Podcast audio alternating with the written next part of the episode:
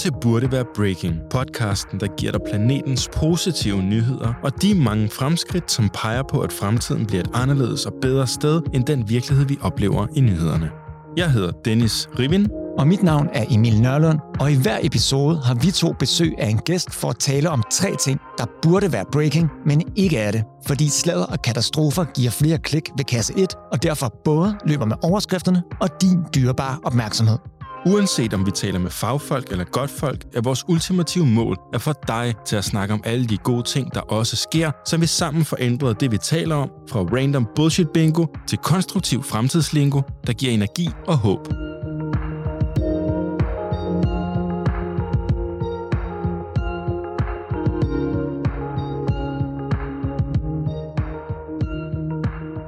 Mikkel Kryer, velkommen til, og tillad mig at sige, at det burde næsten være breaking, at du er gæst her i Burde Være Breaking. Er det rigtigt? Tak skal I have. Og en fed start, mand. Så føler man sig hjemme. Er du slået lidt om kul? ja, det må man Med, sige. af ordspil eller ordspil?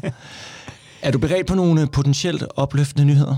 Fuldstændig. Du har jo faktisk allerede været på i dag i, ja, i dit eget Jeg har program. lige lavet noget Godmorgen Danmark kommer derfra. Det var øh, det stik modsatte, vil jeg sige, den verden, vi lever i lige i Ja. øjeblikket. Så øh, jeg er så klar til at få sprøjtet noget positivt ind i mine år. Hvad har jeg I talt om i dag? Ah, men det er jo sådan noget, alt fra Afghanistan til klimakrise og sådan noget. Ikke? Det er ikke lige frem det mest opløftende, der sker lige i verden lige i øjeblikket. Mhm. Mm-hmm. Så ja, jeg synes, det er på sin plads lige at få øh, noget, man måske kan trække lidt på smilebåndet af, eller øh, være lidt opløftet, eller noget med noget håb i måske.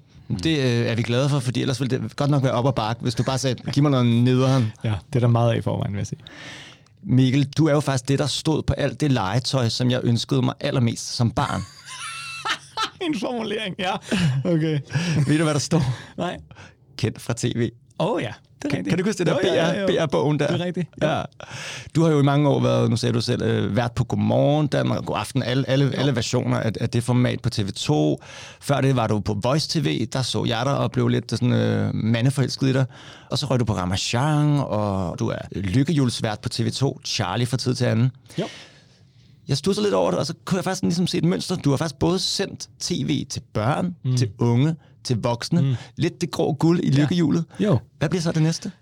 Ja, det er et godt spørgsmål. Altså, jeg tror, på, på en eller anden måde, så er det et meget godt billede på, tror jeg, lidt, hvem jeg er som tv-vært, ikke? At jeg tror, jeg sådan, uden at øh, forsøge eller anstrenge mig meget, så er jeg bare sådan lidt øh, altomfavnende på en eller anden måde. Sådan, mm. øh, øh, jeg kan tale til børn, jeg kan tale til ældre. Der er, ja. Så derfor tror jeg måske, at jeg er landet lidt der, hvor det er sådan en svejserkniv inden for fjernsyn, hvis man kan kalde det det. Du lavede faktisk børnetv, før du havde børn. Nu har du to Jo, drenge. det er rigtigt. Kunne du ikke lave bedre børnefjernsyn nu? Nej, det tror jeg bestemt ikke. Tværtimod. Jeg tror, vi ville have alt for mange tanker. Alt for, alt, øh, det, det var meget bedre før på en eller anden måde, hvor man bare kunne være fri. Øh, Har du to drenge? Jeg har to drenge. Øh, jeg har Louis på to og en halv, næsten tre, og så øh, Max. Har du også en Max? Ja, What? vi har en Max.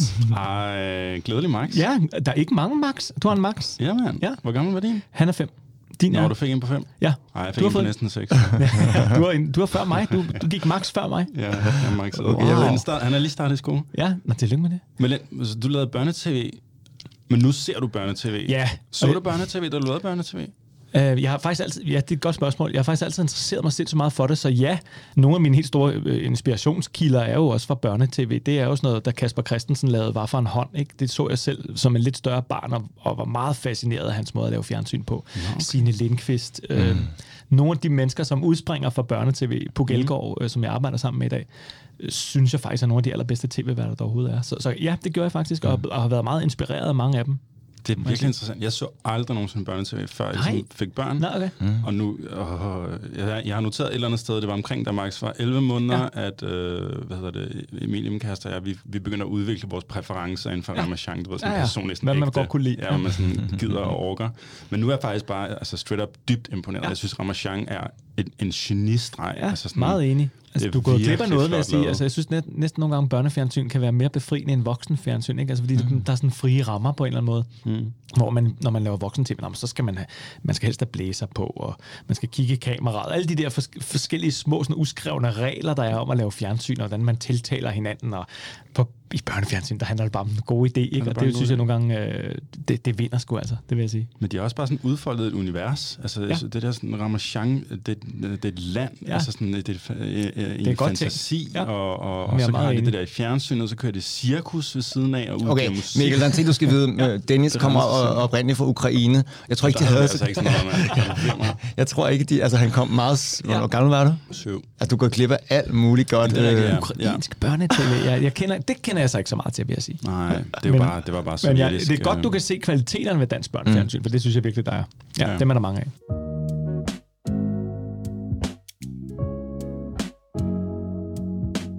Mikkel, vi har jo inviteret dig med her i dag, fordi vi gerne vil snakke med dig om tre positive og potentielt opløftende nyheder på menneskehedens og planetens vegne. Og så vil vi gerne høre, hvilken nyhed, du er jo også en, der arbejder med nyheder, som du synes batter mest og burde være breaking. Modtaget. Men vi ved jo faktisk ikke helt, hvordan du sådan forholder dig til fremtiden. Om du er sådan optimistisk eller pessimistisk i forhold til, om vi som menneskehed klarer skærne mm. eller kuldsejler. Så derfor skal vi nu lave den berygtede, burde være breaking, mm. vandligning, ja. for at finde ud af, hvor du okay. står.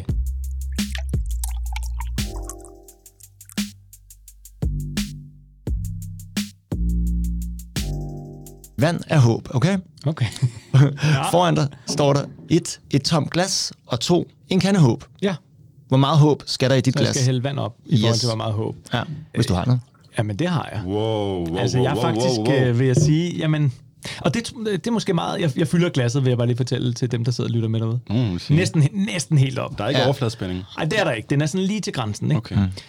Jeg er et meget positivt indstillet menneske, vil jeg sige. Det har jeg faktisk altid været. Altid været optimistisk. Altid været øhm, glad og troet på det bedste i mennesker. Og det er sådan set stadig, som man måske mm. kan se på glasset. Altså, jo, hvis man kigger på verden lige i øjeblikket med alt, hvad der foregår fra Afghanistan til FN-klimarapporter og øh, corona, og hvad vi ellers har været igennem 2021, så kan det jo godt se sort ud, men jeg har en eller anden tro på menneskeheden. Sådan en evig tro på, at vi på en eller anden måde nok skal klare den. Og hvad begrunder jeg det Ja, det, det, det du, du, du kan stille Nå, men det, jeg ved ikke, om jeg har en, altså, mm, det er en, det er en følelse i kroppen, det er en mavefornemmelse, det er en intuition omkring det på en eller anden måde, at, at jeg tror sgu på, jeg tror på menneskeheden. Altså, jeg mm. tror, at det er en, der er en mening med, at vi skal være på den her jord, og det skal nok gå. Vi laver fejl, og, øhm, og vi kan godt rette op på det igen, tror mm. jeg.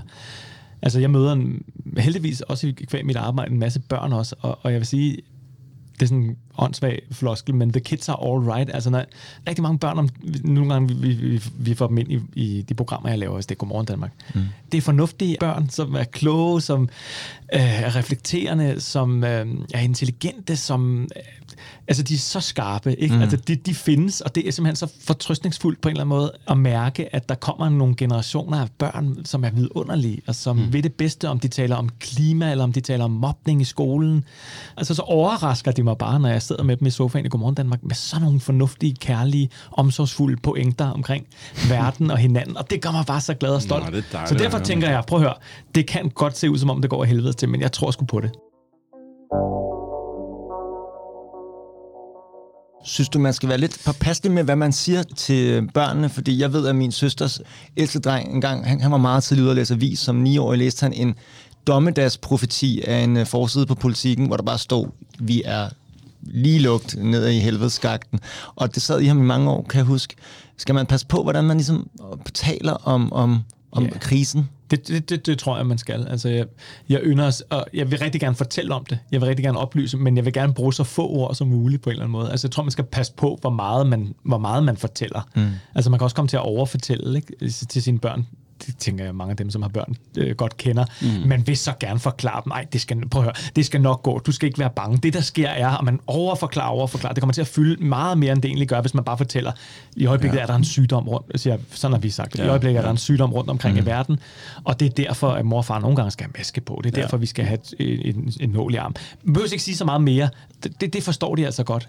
Det der ja. med at overfortælle nogle mm. ting nogle gange. Ligesom med, faktisk med Christian Eriksen, med landskampen ja, ja. der. Nå, men det er godt, det er godt eksempel. Sammen, ja. Var bare sådan, jamen han blev syg, altså, ja. det, og det er bare nok. Du Heldigvis ved, var der nogen, der kunne hjælpe ham, ikke? Ja, ja, Præcis. Ved, det var, fordi det var en kompliceret situation. Ja, men det er det. Man kunne begynde at fortælle op og ned og døre stolpe om, hvad øh, hjerte, øh, hvad hedder sådan noget, stop er, ikke? Og det, de kommer ind med nogle, det tror jeg bare, man, ja. så jeg tror helt sikkert på at oplyse, jeg tror helt sikkert på at, øh, altså nu taler vi ikke to-treårige, men når, når børnene bliver lidt større og, og kan reflektere over sådan nogle ting, at man på en eller anden måde skal delagtiggøre dem i de ting, der omgiver dem i verden, og de ting, de netop kan opdage mm. på forsiden af aviser, eller sabber de forkert på YouTube, eller hvad ved jeg, ikke? Så, mm. så, så bliver man nødt til at være der.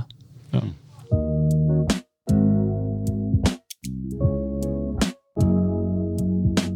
Det her det er Burde Være Breaking, podcasten, hvor vi dyrker positive nyheder frem for dystopiske gule breaking-bjælker. Mm, Kan det mening? Vi prøver igen næste Okay, vi prøver igen næste gang. Nå, men Mikkel, det vigtigste er, er du øh, ved at være varmet godt og grundigt op ja. og klar til den opløftende nyhed nummer et? Jo, kom med den. Cool. Fedt, Dennis. Jeg har det lidt som om, vi skylder en god klimanyhed efter sidste episode her med Jacob Hinsley. Uh, han, han kom jo nærmest forbi på dagen for den seneste klimarapport fra IPCC, og bare træk hele vores optimisme gennem sølvet. Altså, med god grund jo, fordi rapporten erklærer basically undtagelsestilstand for planeten klimawise, og mm. generalsekretæren for FN har sagt, at det er absolut sidste udkald for menneskeheden, og det er bare ikke, det er ikke munter læsning, altså sådan, og, og ja, den er du vel også stødt på, jo, Mikkel. Med, det er ikke godnatlæsning for børnene. Der er ikke meget godmorgen i den. Nej. Men, øh, okay, så anyways. Dels bliver der faktisk også understreget i rapporten, og det er også lidt interessant, om I har haft den vinkel med, at det faktisk, altså det er altså ikke helt for sent. Altså det siger de jo også, de udpensler det. Vi kan stadig godt nå undvige kollaps af civilisationen, som vi kender den, hvis vi handler nu. Og så dels så er der jo også det her, vi kan her Emil, altså det der med at opsnuse tegn på, jamen der sker faktisk noget. Altså sådan, der er allerede handling i gang. Så det vi har brug for er ikke nødvendigvis noget uopnåeligt og uoverskueligt. Det vi har brug for er allerede i gang, og vi har bare brug for mere af det. Så det har jeg fundet frem i dag. Det er ret interessant pressemeddelelse fra Deloitte af alle ting, der er verdens største øh, konsulentfirma med over 330.000 ansatte i over 150 mm. lande. Det er også et verdens største revisionsvirksomheder. Og det, der skete, det er, at den globale direktør for Deloitte har været ude og sige, at man over de næste seks måneder vil udrulle et internt uddannelsesforløb, som man har designet i samarbejde med Verdensnaturfonden, hvor man vil give samtlige 330.000 ansatte på tværs af 150 forskellige lande og kulturer et kursus i klimabevidsthed og klimahandling, der ikke bare opfordrer folk til at tage ansvar på kontoret og derhjemme, men særligt, særligt interessant, også tage ansvar gennem den rådgivning, man giver Deloittes kunder, som du ved, altså det, det må virkelig være mm. utrolig mange forskellige virksomheder og mennesker, der vi kender sgu alle sammen en, der arbejder i Deloitte. Gør man nemlig. Og jeg vil sige til nyhedens forsvar, jeg har prøvet at ringe lidt rundt til ja. nogen, man kender Deloitte det lyder ikke som om, de lige har hørt det endnu, det her. Det er ikke, det er ikke trickled down ah, endnu. Det kommer. Så altså sådan, du ved, vi skal lige, ja. man skal lige se det, men ja. det er en, og der er ret få medier, der løber med den her nyhed, men det er bare sådan, det, ja. den her, det handler om, om størrelses, altså sådan om skala, ikke? Hmm. Når så sådan en stor spiller i verden ligesom begynder at rykke på noget, og man ved ikke, hvad det der skide kursus vil bestå af. Men dels er det et signal at sende, og dels er det bare sådan, altså... Ja. Jeg er meget enig. Det, det er lidt af en... Det, det kan godt blive mange. Altså, hvis alle 300 eller andet tusind gør det med 10 kunder, der gør det derhjemme med et middagsbord, så er vi lige pludselig oppe i 30 millioner. Ja, og præcis. har TV2 taget fat i dig og dine kollegaer og sagt, nu skal I lige... Uh, ved vi har fået sådan en decideret kursus, men det handler jo om at tage ansvar også på en eller anden måde. Det ja. synes jeg faktisk, uh, vi har haft et kæmpe stort fokus på naturen og på netop på klimaet på TV2, og har øh, som nogle af de allerførste i verden lancerede sådan nogle indsamlingsprogrammer til fordel for klimaet. Ikke? Vi lavede et program, som handlede om, at vi skulle plante en million træer. Sidste program, som jeg også lavede sammen med Pugelgaard, handlede om at købe dansk natur, og så gøre den vild, altså rewild mm, det dansk ja. natur, som også er en af de der måder, man på en eller anden måde kan hjælpe biodiversiteten. Så jeg synes faktisk, TV2, også signalmæssigt, det er jo selvfølgelig også det, det handler om, gør en masse faktisk. Altså, de, de har stort fokus på naturen og på netop på klimaet. Så det der med, som du siger, Dennis, det der med at tage ansvar, og nogle af de store virksomheder, nogle af de store spillere på en eller anden måde, markerer sig på den her måde. Det er en positiv, det er en positiv udvikling. Det skal bare gå stærkt.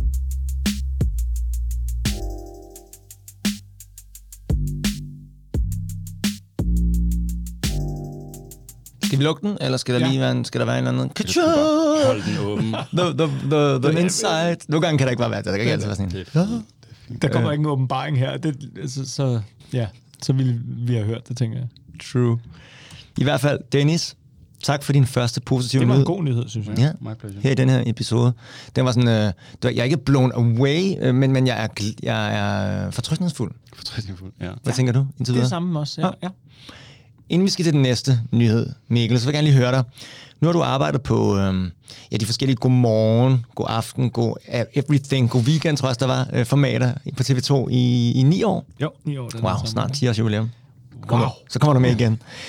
Man taler meget om mediernes negative nyhedsbias og sensationshungernes clickbait-journalistik. Hvad tænker du om det? Er det noget, du genkender i dit nyhedsforbrug, eller måske endda i din nyhedsproduktion? Ja, det vil jeg sige. Det, det er da helt bestemt ikke gået min næse forbi. Altså, det er en ting, vil jeg sige, ikke? Altså, fordi ja, der er mange årsager til det. Altså, der er noget konkurrence, ikke? og man vil være først med nyheder, og netop som du siger, hvad er det for nogle nyheder, man så klikker på, og hos hvem, og sådan noget. Ikke? Mm. Man prøver at overgå hinanden. Ikke? Og sidste ende handler det om kroner og øre, ikke? så der er jo en ø- økonomi i det også. Øh, men helt klart, altså, det, det er helt klart også et fokus, vi har haft, altså også på, på Godmorgen øh, igennem det sidste lange stykke tid, ikke? at man ligesom er bevidst om, at det, er sådan, det ligger lidt i fingrene på en eller anden måde. Man har lidt lyst til på en eller anden måde at stramme vinklerne i interviewsene. Man har lyst til, at der skal netop der skal komme en åbenbaring, der skal komme en, en sandhed, der er nogen, der skal sige noget kontroversielt. Det skal helst blive en nyhed på andre platforme. Ikke? Så når nogen sidder i vores program i Godmorgen Danmark, så må det godt blive til nogle nyheder på Ekstrabladet BT bagefter, fordi det ligesom, ja, mm. ja, fordi så, så breder vi ligesom vores univers ud. Så nogen siger noget klogt, nogen siger noget vildt, nogen siger noget ekstremt i vores, på den måde. Så helt klart en fokus på øhm, altid selvfølgelig at afdække begge sider af en sag. Mm. Hvad med dig selv? Kan du lade være med at gå, hvis du forvilder dig ind på EB, BT, hvad det nu hedder alt sammen, kan du lade være med at trykke på Bentner, Bentner har gjort det igen. Skandale. Ja, skandale, ja. Altså han bundet snørbåndet øh, forkert eller noget. Ja, det må jeg sige, det kan jeg ikke sige mig selv fri for, altså mm. en gang imellem at, at klikke på det der. Men det er også, det, det, du skal det taler jo noget helt ind, til vores, øh, helt ind i vores ja. øh, krybdyrshjerne på en eller anden måde, ikke? Man har lyst til at trykke på det der. Så, så jo, helt klart, jeg kan sagtens genkende det. Jeg er medieforbruger ligesom alle mulige andre, og øh, jeg tror bare, netop fordi jeg arbejder med det, så, så, så har jeg en, en anden bevidsthed om det også på en eller anden måde nu var det bare lige Bentner, der blev nævnt, det er sådan lidt mere, grænsen til sådan lidt mere sladderagtigt, ja. du ved, sådan på den ja. her måde. Så, så, det der negativity bias, det, det interessante ved det, det er jo, at, at nyhedsformidling på en eller anden måde hele tiden drejer sig, man, man, man fortæller mest om det, der egentlig sker mindst af i verden. Mm. Så det er krig og mor og død og ødelæggelse og løgne og sådan noget, men i virkeligheden så lever vi bare i en kæmpe verden, hvor det meste bare er kedelig hverdag. Men det kan man jo ikke rapportere om. Altså, sådan, det er jo ikke særlig interessant, ikke? Sådan en hverdagsmedie, der bare Ja. ja, så de ja. der øverste nyheder altid, når man går ind på den anden, altså sådan, det er jo sådan noget med, uha, ja. Der, der sker et eller, andet, et eller andet forfærdeligt. Helt klart, ja. ja. Jeg synes, der, jeg synes, at der er kommet lidt en modreaktion nu for flere forskellige medier, netop på alt den her snak om, om clickbait. Det synes jeg faktisk, at det, det, er en, det er en rigtig god ting, at, at man i overskrifter rent faktisk fortæller, hvad det er, der sker, og hvad det er, historien handler om. Ikke? Fordi at det er jo øh, oftest, som I også lidt inde på, en, en misvejledning, ikke? at man klikker på noget, fordi man tror, det er en skandale, eller fordi man tror, det er uhørt, eller mm. se de vilde billeder, og så er det faktisk ikke særlig vilde billeder. Så, så man bliver jo snydt på en eller anden måde, og det synes jeg er mega ærgerligt i forhold til det, det rent journalistiske. Så jeg, jeg synes, jeg kan se en modreaktion på det på nogle medier, vil mm. jeg sige. Der er stadig nogen, som er afhængige af at have et vist antal kliks per artikel per dag i forhold til at holde annoncer. Ah, det, det er måske der, hvor abonnementsmodellerne er fede, fordi for eksempel Zetland, de bliver jo ikke vel holde op på, hvor mange der egentlig læser deres enkelte artikel, men hvor mange der egentlig køber adgang til at have muligheden for ja. det. Jeg kender ikke forretningsmodellerne, vil nej, jeg nej. sige, men det er rigtigt, det er klart. Der er jo nogen, det, det, det ved man jo, der, ned, der nedsætter bestemte parametre for, hvor meget skal en artikel klikkes på, før det er en, en succesfuld artikel på et bestemt oh, medie. Ja. Det, det bryder mig ikke særlig meget om, men, men for eksempel lad os sige, at den ikke har klikket nok, mere end de øh, havde, havde, havde regnet med, så går man ind og ændrer på overskriften. Trigger, laver sådan noget ja, ja, lige præcis. Ikke lægger et nyt billede på, eller sådan noget, for, for, for at få mere og det, det ved jeg sgu ikke. Altså, det, det, det er en af mine kæpheste, når jeg holder foredrag. Sådan noget. Det er det der med, ja. at det, sådan, det er det, der er så super drøntræls, når alt kommer til alt, at nyhedsformidling bunder i forretningsmodeller. Det handler ikke, det, det, er, ikke, det, det er ikke et ed, ja. nobelt edelt mål om at Nej. oplyse folk og gøre, hjælpe folk med at blive bedre versioner af sig selv og navigere i en hyperkompleks virkelighed. Det er en forretningsmodel, der handler om at få folk til at blive hængende så længe som fucking muligt. Ja. Og det er der, hvor mange måske stadigvæk bare tror sådan, om det her, det er jo, ja. Se hvad der er skrevet til mig her. Jeg tror, hvis man er bevidst om det, ikke? altså hvis man netop, når bare vi sidder og taler om det her, ikke? kan gøre folk, medieforbrugerne, mere bevidste om deres valg, ikke? at man så netop siger næste gang, der står skandale og et billede af Niklas Bent, når man tænker, jeg klikker ikke på den i dag. Jamen tænk, hvis det gør et eller andet ved, ved, det, ved, ved, mm. ved, ved det medies måde at lave artikler på og skrive overskrifter mm. på. Det kan være, det, det er jo det, der kan være med til at ændre det på en eller anden måde. Det er jeg synes, jeg ser i nogle mediers modreaktion på, på den der clickbait-kultur, som der er kommet. Mm.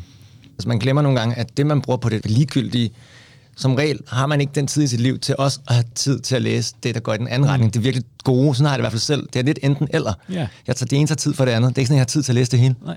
Og så, øh, og så den der sådan, folk, der spoiler i artikler, det kan jeg også godt lide. Det foregår eksempelvis meget på Twitter og sådan noget. Ikke? Hvis I er i tvivl om, hvilken skandale det var på BT, så er det Niklas Bender, det handler om. Ikke spoiler, så, så, så spoiler man de der clickbait-overskrifter. På den måde kan man måske også komme det til livs. Nå, det er rigtigt. Nå, der sjovt. Er der et uh, hashtag Jeg handle tror, det på hedder det? Jeg, jeg, ved faktisk ikke helt, hvad det hedder. Clickbait spoil eller sådan noget. Måske sådan noget. Så, så er det en artikel, som lover et eller andet. Ikke? Sådan noget Ja. saved you a click, tror jeg måske, det hedder. Ja, saved you Saved a you a click. click. Ja. Åh, Så sådan en, en nobel øh, form for øh, Robin Hooder, der render rundt og øh, redder folks klik. Så man, ja, det, det, redder er fint. hjerneceller. Ja, Ja, Jamen, og det tid der, og siger, penge. nyheder Kliks. er, er for hjernen, som sukker er for kroppen. jamen det er det. Det er bare sådan... Ja. Og tak for den, Mikkel. Ja, Ja. det var en lille ekstra service der.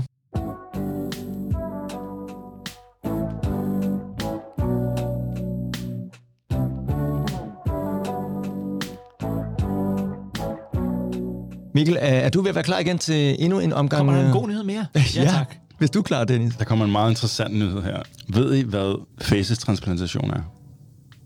Altså fæses transplantation. Du kender de to ord. Ja, ja. Mm. Jeg prøver at forestille mig, sammen? det danner nogle virkelig ubehagelige billeder op i mit hoved, men jeg ved ikke, jeg, jeg ville kunne komme med et skørt gæt på, hvad det var, men jeg ved det ikke. Jeg synes, du skal gætte. Jeg vil også gerne høre det. Okay. Det er noget med, at der er nogle øh, tarmflora-bakterier i noget fæse, som er gode, som man gerne vil dele videre til andre på en eller anden måde. Er der sådan noget, nogle, noget et eller andet, som er, nogen har god lort? Okay, ja. Er det sådan noget, Ja, det jeg synes du klarer meget nogen godt. har, nogen har nogle bakterier eller et eller andet i deres Som tarmflora, give videre. Det lyder lidt mere som faces donation, måske. ja, okay, det er rigtigt. det er transplantation. Ja, okay, trans- Nej, nej, det, du, ja, men du det er sådan noget lignende, forestiller jeg mig. Ja. Ja, du er spot on. Altså, mit bud havde været noget med en, en actionfilm med John Travolta, Faces Off. Men, men Ja. det er det ikke. Faces. det er rigtigt. Face off, det var meget grineren. Ja. Travolta og, Og Nicolas Cage. Cage. Oh, jo. Faces Off. Faces off. Okay, okay. Okay, det var det så helt- Det har ikke med Travolta eller Nicolas Cage at gøre, men helt klart, Mikkel, du er meget mere spot on. Okay, sådan. det, det handler præcis om at overføre mikroorganismer fra en rask persons tyktarm over i en syg persons tyktarm. Fordi der i tyktarmen, som du også er inde på, ud over good old lort, som vi alle udmærket kender, men sjældent vil stå ved, så er der det her, der kaldes for vores tarmflora, eller vores mikrobiom, der er et kolossalt økosystem af encellede organismer og særligt bakterier, der faktisk typisk udgør op mod et halvandet kilo af vores samlede kropsvægt. Det er kun bakterier. Det er super weird. Det er noget, man ikke lige går rundt og forholder sig til til hverdag. Mm. Uh, fun fact. Når man tæller de her bakterier sammen, så er der flere bakterier i din menneskekrop, end der er stjerner i mælkevejen. Sådan er det bare. Der sker bare. Og de er alle sammen levende organismer, og det er noget, der bare sådan helt, vi kan ikke, det er svært at forholde sig til. Og øh, det man så har fundet ud af, eller i virkeligheden har vidst ret længe, men først nu fået en masse videnskabelig belæg for, det er, at i virkeligheden kan den her bakterielle sammensætning nede i tarmen, den kan være udslagsgivende for alle mulige sygdomme, som for eksempel Parkinson og depression og Alzheimer's, og alle mulige altså, frygtelige ting, der starter altså dernede. Og det man i stigende grad forestiller sig, det er, at man i den nære fremtid vil begynde at behandle neurologiske lidelser, altså hjernesygdomme og nervesygdomme og sådan noget, ved at manipulere tarmbakterier i mavesækken. For eksempel ved at overføre lort fra en restperson over i en syg. Og dagens nyhed går så på, og det, mm. det, det er radical det her, det, det er sådan en radical ja. forskningsfelt, det er af mit yndlings at følge med i. Det, der, der er alle mange ting at sige om det. Men dagens nyhed går på, at forskere ved University College Cork i Irland har opdaget gennem et forsøg på mus, at sådan noget facetransplantation også kan reducere aldersrelateret forfald i hjernen. For eksempel demens eller hukommelsestab, eller hvad Ja. det kan være. Det er simpelthen bare et tegn på, at der er nogen, der sidder og laver nogle crazy ting ude i verden, som har nogle fuldstændig radikale Ja, ja. nye approaches vildt, til. Ja.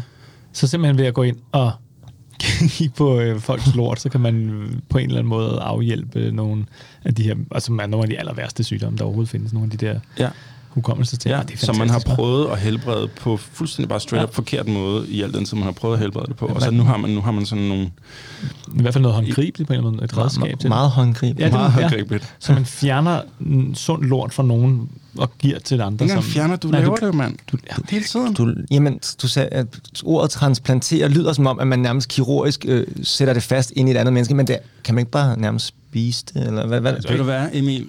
Du har faktisk lidt ret, fordi man, man, man gør det i, øh, du ved, altså helt klart desinficerede kapsler. Jeg tror, Ja. man, man, man, man kapsler det på en eller anden måde, så man sådan indtager det, Ja, ja. så, så, så den Så tager rejsen gennem systemet.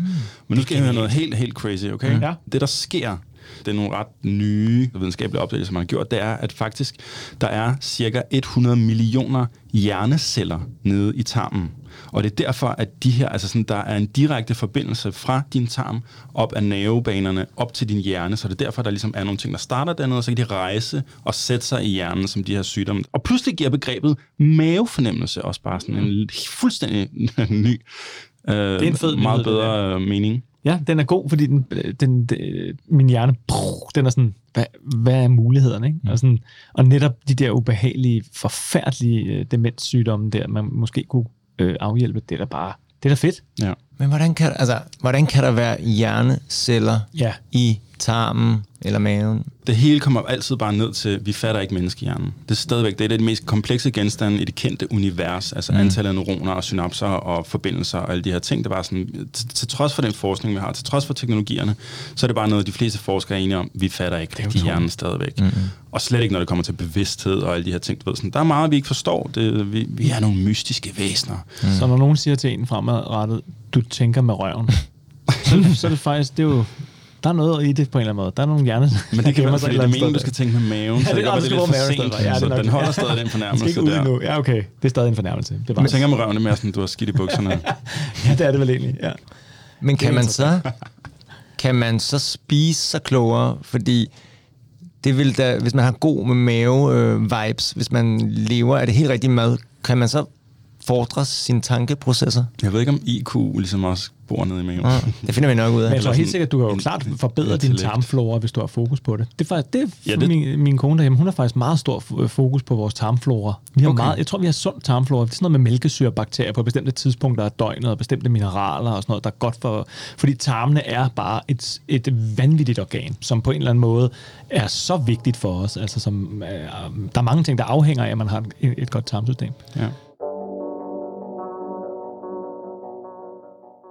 Som en lille sløjfe vil jeg sige, at jeg engang har været i Cork City i Irland, hvor at den her undersøgelse åbenbart stammer fra. Nå, hvordan var det? Okay. Det er en lorteby. det er det værste sted, jeg nogensinde har besøgt. Jeg kom med en lille anekdote derfra.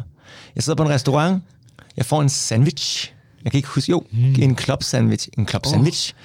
Kylling og bacon og sprød salat, ja. Du glemmer kaj. Ja, mm, ja. Og øh, ja, den sprøde salat er nemlig en vigtig bestanddel, fordi jeg tager en bid af den, og så knaser det rigtig meget, og så åbner jeg den, og så ser jeg, at der ligger øh, ret meget øh, jord i min salat. Så siger jeg, waiter, excuse me, waiter, there's dirt in my sandwich. Og så kigger han på mig, rynker næsen, no sir, it's soil. Og så vender han sig og går. What? Var det flabet? Nå. Så jeg, jeg havde... Han øh... rettede bare dit engelske sted for. Ja, det er det. Ja, han, ja, ja, ja, præcis. Det, sprog, det sproglige. Nå. Det er ikke, jeg, den går ikke på min tur, Nej, okay. går til. Til Kork. Turen går til Kork i Irland. Det er sjovt.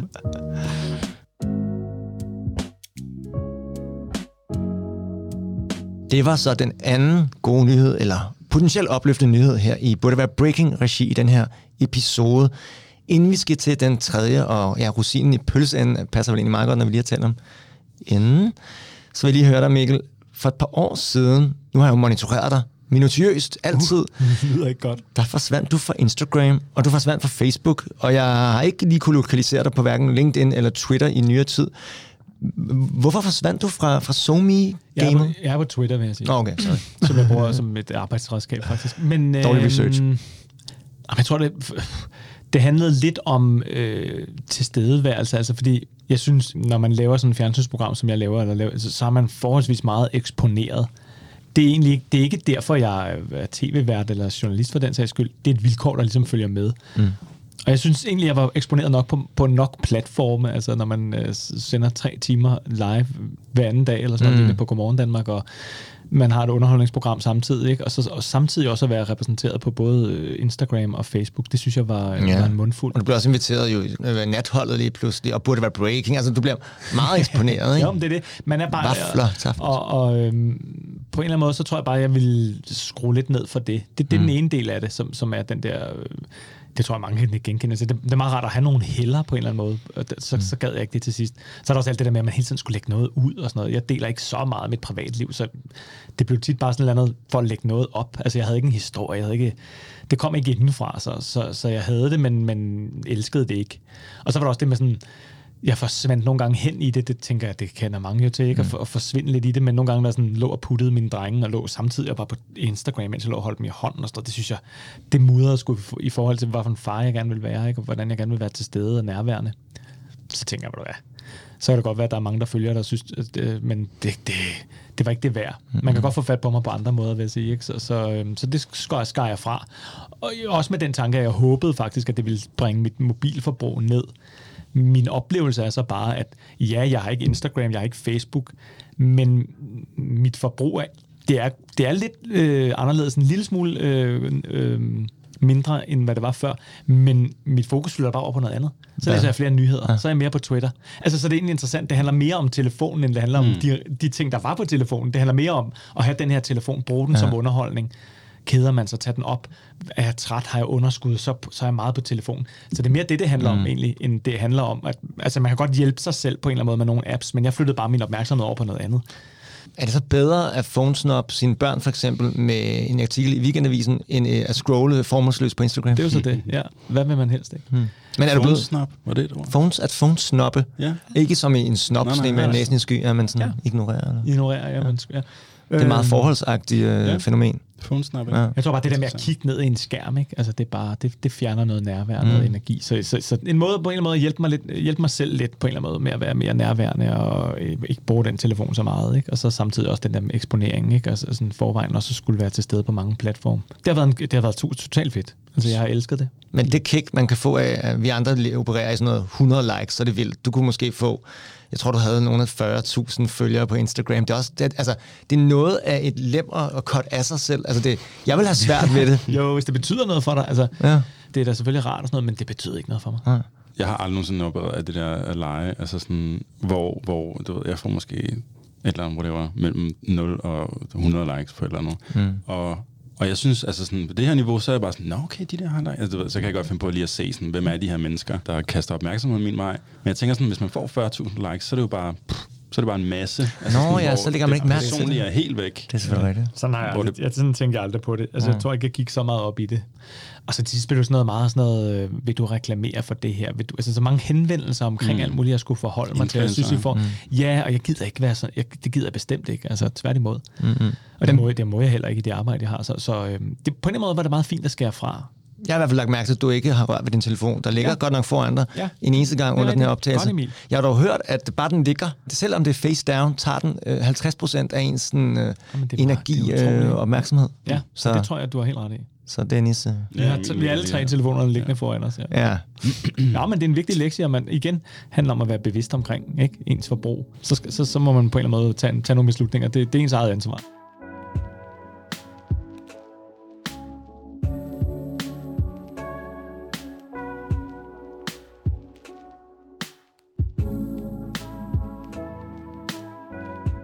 Du lytter stadigvæk til Burde Være Breaking, podcasten, hvor vi snakker om de nyheder, der kan være gode for dig, mig, planeten og menneskeheden.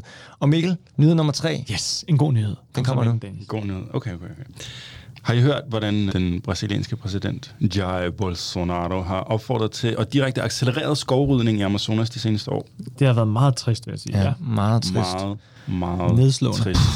Han er i gang med at begå en forbrydelse mod planeten, som vi nærmest ikke engang har begreb for endnu, altså sådan, men som faktisk er ved at tage form. Det er det, der kaldes for ecocide. Lidt ligesom genocide, som er folkedrab. Og nu har man så ecocide-typer, mm. som bare sådan lader stå til, eller decideret bare opfordrer til, at man bare dræber natur og økosystem. Og det er der meget tale om ude i verden. Vi har faktisk været lidt inde på det, tror jeg, Emil, i en mm. anden episode, det her med borgerrettigheder til jo. natur. Der er en bevægelse i, i verden, som er meget, meget interessant, og jeg tror, at det her forhåbentlig kan ramme ham retrospektivt på et senere tidspunkt, mm. hvor han faktisk bliver lidt ligesom uh, menneskeretsdomstolen i Haag, eller sådan, mm. så bare sådan på naturens vegne, fordi vi er i gang med den her bevidsthedsændring, at uh, natur betyder noget, og lige, det skal man ikke have lov til. For, for Mikkel og dem, der ikke lytter til den episode, der var en flod i Kanada, der fik borgerrettigheder. Hmm. Der er alle mulige naturlæmer ja. i verden, okay. der begynder at få borgerrettigheder, på, som, ja, så man kan blive retsforfulgt på samme ja. måde, hvis du gør skade mod en person, hvis forurener. Ja. Okay, sorry, det var egentlig slet ikke Bolsonaro, det skulle handle om. Nå. Uh, det var bare lige et uh, sjældent, surt, men berettiget opstød. I håber om at svære hans navn til. Bolsonaro. ja, købt Bolsonaro. Ved I til gengæld, hvad Salonga National Park er? Nej. For det er nemlig også en regnskov, ligesom Amazonas. Det er en nationalpark i DR Kongo på størrelse med Danmark, lidt, lidt mindre end Danmark. Og i den nationalpark finder man den største tropiske regnskov i Afrika, og siden 1998 har den regnskov stået på UNESCO's røde liste over truet verdensarv, fordi den var plaget af krybskytteri og særligt forurening i forbindelse med selvfølgelig olieselskabers evige skumle jagt på olie. Men som komplet modvægt til det, der sker i Amazonas, så UNESCO her i juli fjernet Salonga fra listen over truet verdensarv, fordi der faktisk er sket en positiv udvikling i det her Kongo, hvor man har skruet gevaldigt op for beskyttelse og vedligehold af naturområdet, og ikke mindst annulleret alle tilladelser til olieboring i det område. Stærkt. Nå. Det er meget overraskende, tænker jeg. Ja. Ja. Også i de lande der, hvor man nogle gange godt kan have sådan lidt en tvivlsom sådan, øh, op, Det er sted. opfattelse Ja. af, hvordan regeringssystemer, demokrati og alt sådan noget fungerer. Ikke? Stærkt. Den, den er nemlig bare stærk, så sidder man bare Ja. sådan her. Nå, det er sgu da meget godt. Ja. Ja. Og det er det, der er med de gode nyheder, Mikkel, som jeg også synes er mega interessant. Det er bare sådan det der, det, det, det er nemlig sådan lidt en modvægt, ikke? Mm. fordi det, der, det, det, det, det, vækker så mange flere følelser, når man taler om, at Amazonas er ved at blive ryddet. Og, men så sidder man bare der indigneret og håbløs og apatisk. Mm. Så, så hvordan kan man ligesom, jeg er meget interesseret i, hvordan kan man bruge de her interessante fremskridt Ja. på at give folk samme form for empowerment og sige, prøv at høre, hvis de kan finde ud af det, så kan I fandme også, altså, hvad har I gang i? Ja. Få folk til at forlange mere af verden ved at vise eksempler på ting, der faktisk fungerer ude i verden. balance er vel kodet, ikke? Hvis vi, kan, altså, hvis, hvis, ah, hvis vi kan vende øh, den dårlige udvikling i Amazonas, må vi plante en hulens masse træer, eller fastholde niveauet bare- af rigtig mange andre skove. Ikke bare det, men få folk til at forlange, at man stopper skovrydning, fordi det faktisk er muligt. Så, så Dennis, omkring den her skov, Salonga i DR Kongo, kan det inspirere nogen om, i forhold til Amazonas, tror du? Altså, jeg, jeg er lidt svært ved at se det direkte link, fordi det er en stor skov, ja, og det går okay. Mm. Men hvad så? Det er bare, at der er eksempler ude i verden, mm. hvor det går den anden vej. Så gi- giver det også bare lidt håb. Altså fordi for de sidste, altså siden hvad, hvad, sagde jeg, 98, så har den været, mm. stået på den der liste over truede verdensarv. Mm. Hvor altså sådan, i de 20 år har man jo ikke haft tro på nødvendigvis, at den nogensinde skulle forlade den igen, fordi det vil være mest plausibelt at antage, at det kun vil gå, øh, selvfølgelig for de der olieselskaber, bygget deres veje og få, få deres raffinerier op at køre og alt det der shit, ikke? Men på en, en eller anden fucking fantastisk måde, det er lidt ligesom du sagde, øh, til at begynde med, Mikkel, en eller anden intuition om, bare sådan, ja. prøv nu høre, som minimum, så klarer vi den sgu måske. Og på en eller anden måde, så tror jeg også bare, man, man er nødt til at, at tro på det også. Altså man er nødt til at, at bevare et eller andet håb. Altså, øh, det, det er sådan helt klassisk, men det, det tror jeg bare, altså for at kunne, kunne netop øh, mm. have den der øh, tro på, at det nok skal gå. Ikke? Altså, der, der er man, sgu, øh, man er nødt til at have en eller anden følelse af, at det nok, det, det, jeg, vi er på rette vej.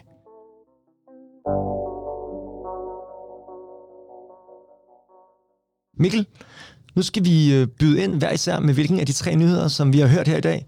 Vi synes, at den, der sådan burde være breaking, den, der, der løfter hver især vores optimisme mest, Ja. og måske den, man også tror på, kan, kan løfte andres optimisme, hvis man deler den.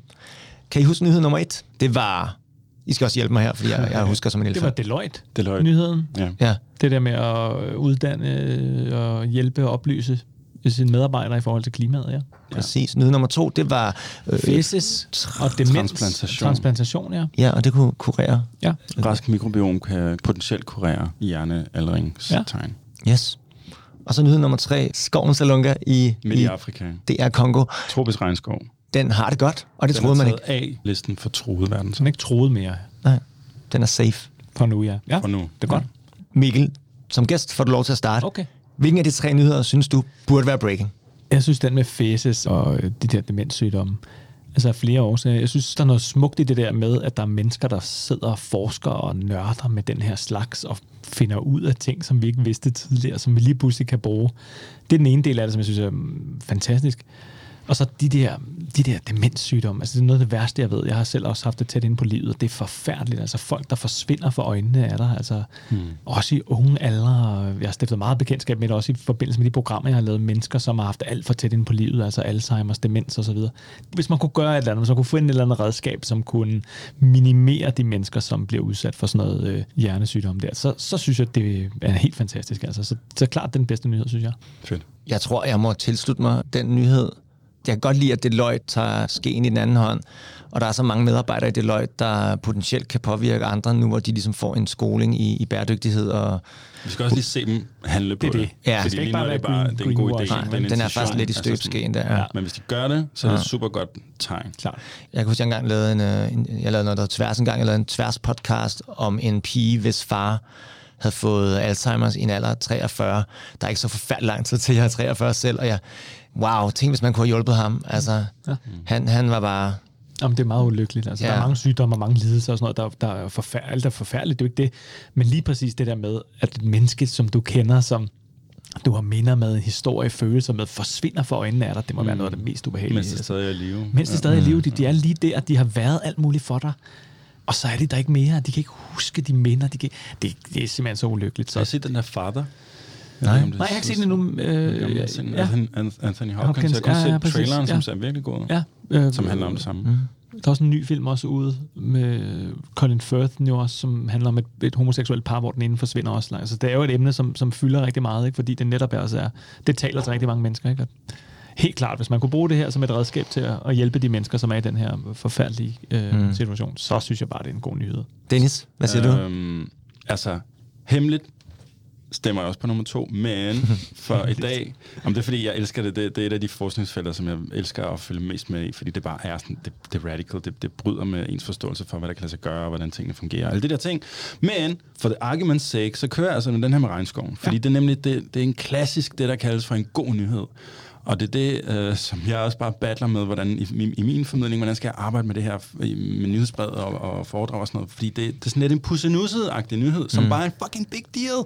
Det er en gigantisk, sindssygt vigtigt økosystem midt i Afrika, hvor der er utallige dyrearter og utallige plantearter, som bare undgår den visse død lige pludselig og den visse død forårsaget af profitmaksimerende olievirksomheder. Du ved, det er bare sådan, det, det er en mega god ting, det her. Men det er ikke sådan en, den er ikke sådan en, hey, ved I hvad, nu, sh, sh, sh, hvis alle lige kan være helt stille, Salonga klarer den sgu. ikke? Altså sådan, du ved. Så, så det er mere opsigtsvækkende, ja, nemlig det der med at dele. Ja. Øh, så hvordan, hvordan, jeg er meget interesseret i, hvordan, hvordan gør vi det her interessant? Hvordan gør vi det her lige så clickbaity? Kan man gøre ja. sådan en god nyhed clickbaity? Min reaktion er også, at den var sådan lidt tam i det, men jeg kan godt se, at, det er jo helt vildt En fint. big deal. Det er Og et det område på størrelse med Danmark. Ja, ja, ja. Det er meget. der er mange parcelhuse og mange... Jeg synes, du taler godt for den sag, Dennis. Ja, okay. Men uanset hvad, Dennis, så er, står den jo... Øh, 2-1. Ja. Faces vinder. Faces. Faces vinder i dag. Det kæmpe tillykke til Ja. Faces. Ja. Tillykke til Faces. Tillykke. tak fordi du kom, Mikkel. Det var Det rigtig var spændende at tale Ja, med dig. fedt, mand. Jamen, jeg er glad for, at det, jeg, jeg går ud herfra mere opløftet, end jeg kom ind. Det vil jeg faktisk gerne have, have sådan et konkret okay. bevis på. Så tilbage til vandglasset foran dig, som du Ja, har ja. drukket lidt af. Men vandglasset med håb. Jeg har drukket lidt, så nu fylder jeg det bare, jeg fylder det bare op til, til det, det var før også. Ja. Sådan der, det er det samme. Altså, Du var optimist, og du ja, er optimist. Men det er det, og det, mange af de her historier booster mig jo også i det, som jeg kom ind med. Mm. Altså den historie om, at mm, der er mennesker ude i verden, som er dygtige, som er omsorgsfulde, som er kærlige, som er vidunderlige mennesker og væsener, som nok skal finde en løsninger på nogle af de allersværeste problemer og problematikker, vi står for. Det er i hvert fald mit håb ikke? og min drøm. Og så kan man jo glæde sig over sådan en tid, hvor vi snakker om Afghanistan og hvad der sker i, i Mellemøsten og klima og sådan noget lignende, at Hatteklubben, så hatten passer i Horsens, har haft 30 års jubilæum. Det er sådan en lille ting, som bare gør, det gør mig glad. Ikke? Så er der en hatteklub i Horsens, som har 30 års jubilæum, og som fejrer det i dag, mens verden brænder. Det, er- der er der et eller andet over det, som man tænker, okay, tillykke til, så hatten passer. Ja. Det er Vinnie, der hun er 35 år, hun har gået med hat. Hun elsker at gå med hat. Er det rigtigt? Ja, hun synes, man, man ranker ryggen lidt Ja. mere, og, og, og ja, er stolt af at gå med hat. Kan I se det? Så selvom at det hele sejler på en eller anden måde, så er der sgu nogen, der har en hatteklub. Og som har inviteret andre hatteklubber i deres jubilæum fra Norge og alt muligt. Hele, hele, det, det synes jeg skulle er meget skønt. Ja, Ej, tillykke til dem. Det var et flot jubilæum. det er flot. 30 Ja. år. Wow. Shit. Du har lyttet til Burde Være Breaking, podcasten, hvor vi taler om alle de nice ting, de færreste andre taler om. Hvis du vil være helt sikker på, at du ikke går glip af nogle af vores gode nyheder, så følg os på Spotify, eller hvor du ellers lytter til din podcast. Og hvis det tilfældigvis skulle være på Apples podcast-app, så må du meget, meget gerne lige give os en 5-stjernet rating med på vejen. Mit navn er Dennis Rivin. Jeg hedder Emil Nørlund, og hvis du vil have endnu flere opløftende nyheder, og endda på skrift, så følg Dennis ugenlige nyhedsbrev, hashtag Actual News, link i show notes. Denne podcast er produceret af Nørlyd. Tak for din øre for nu. Vi høres ved.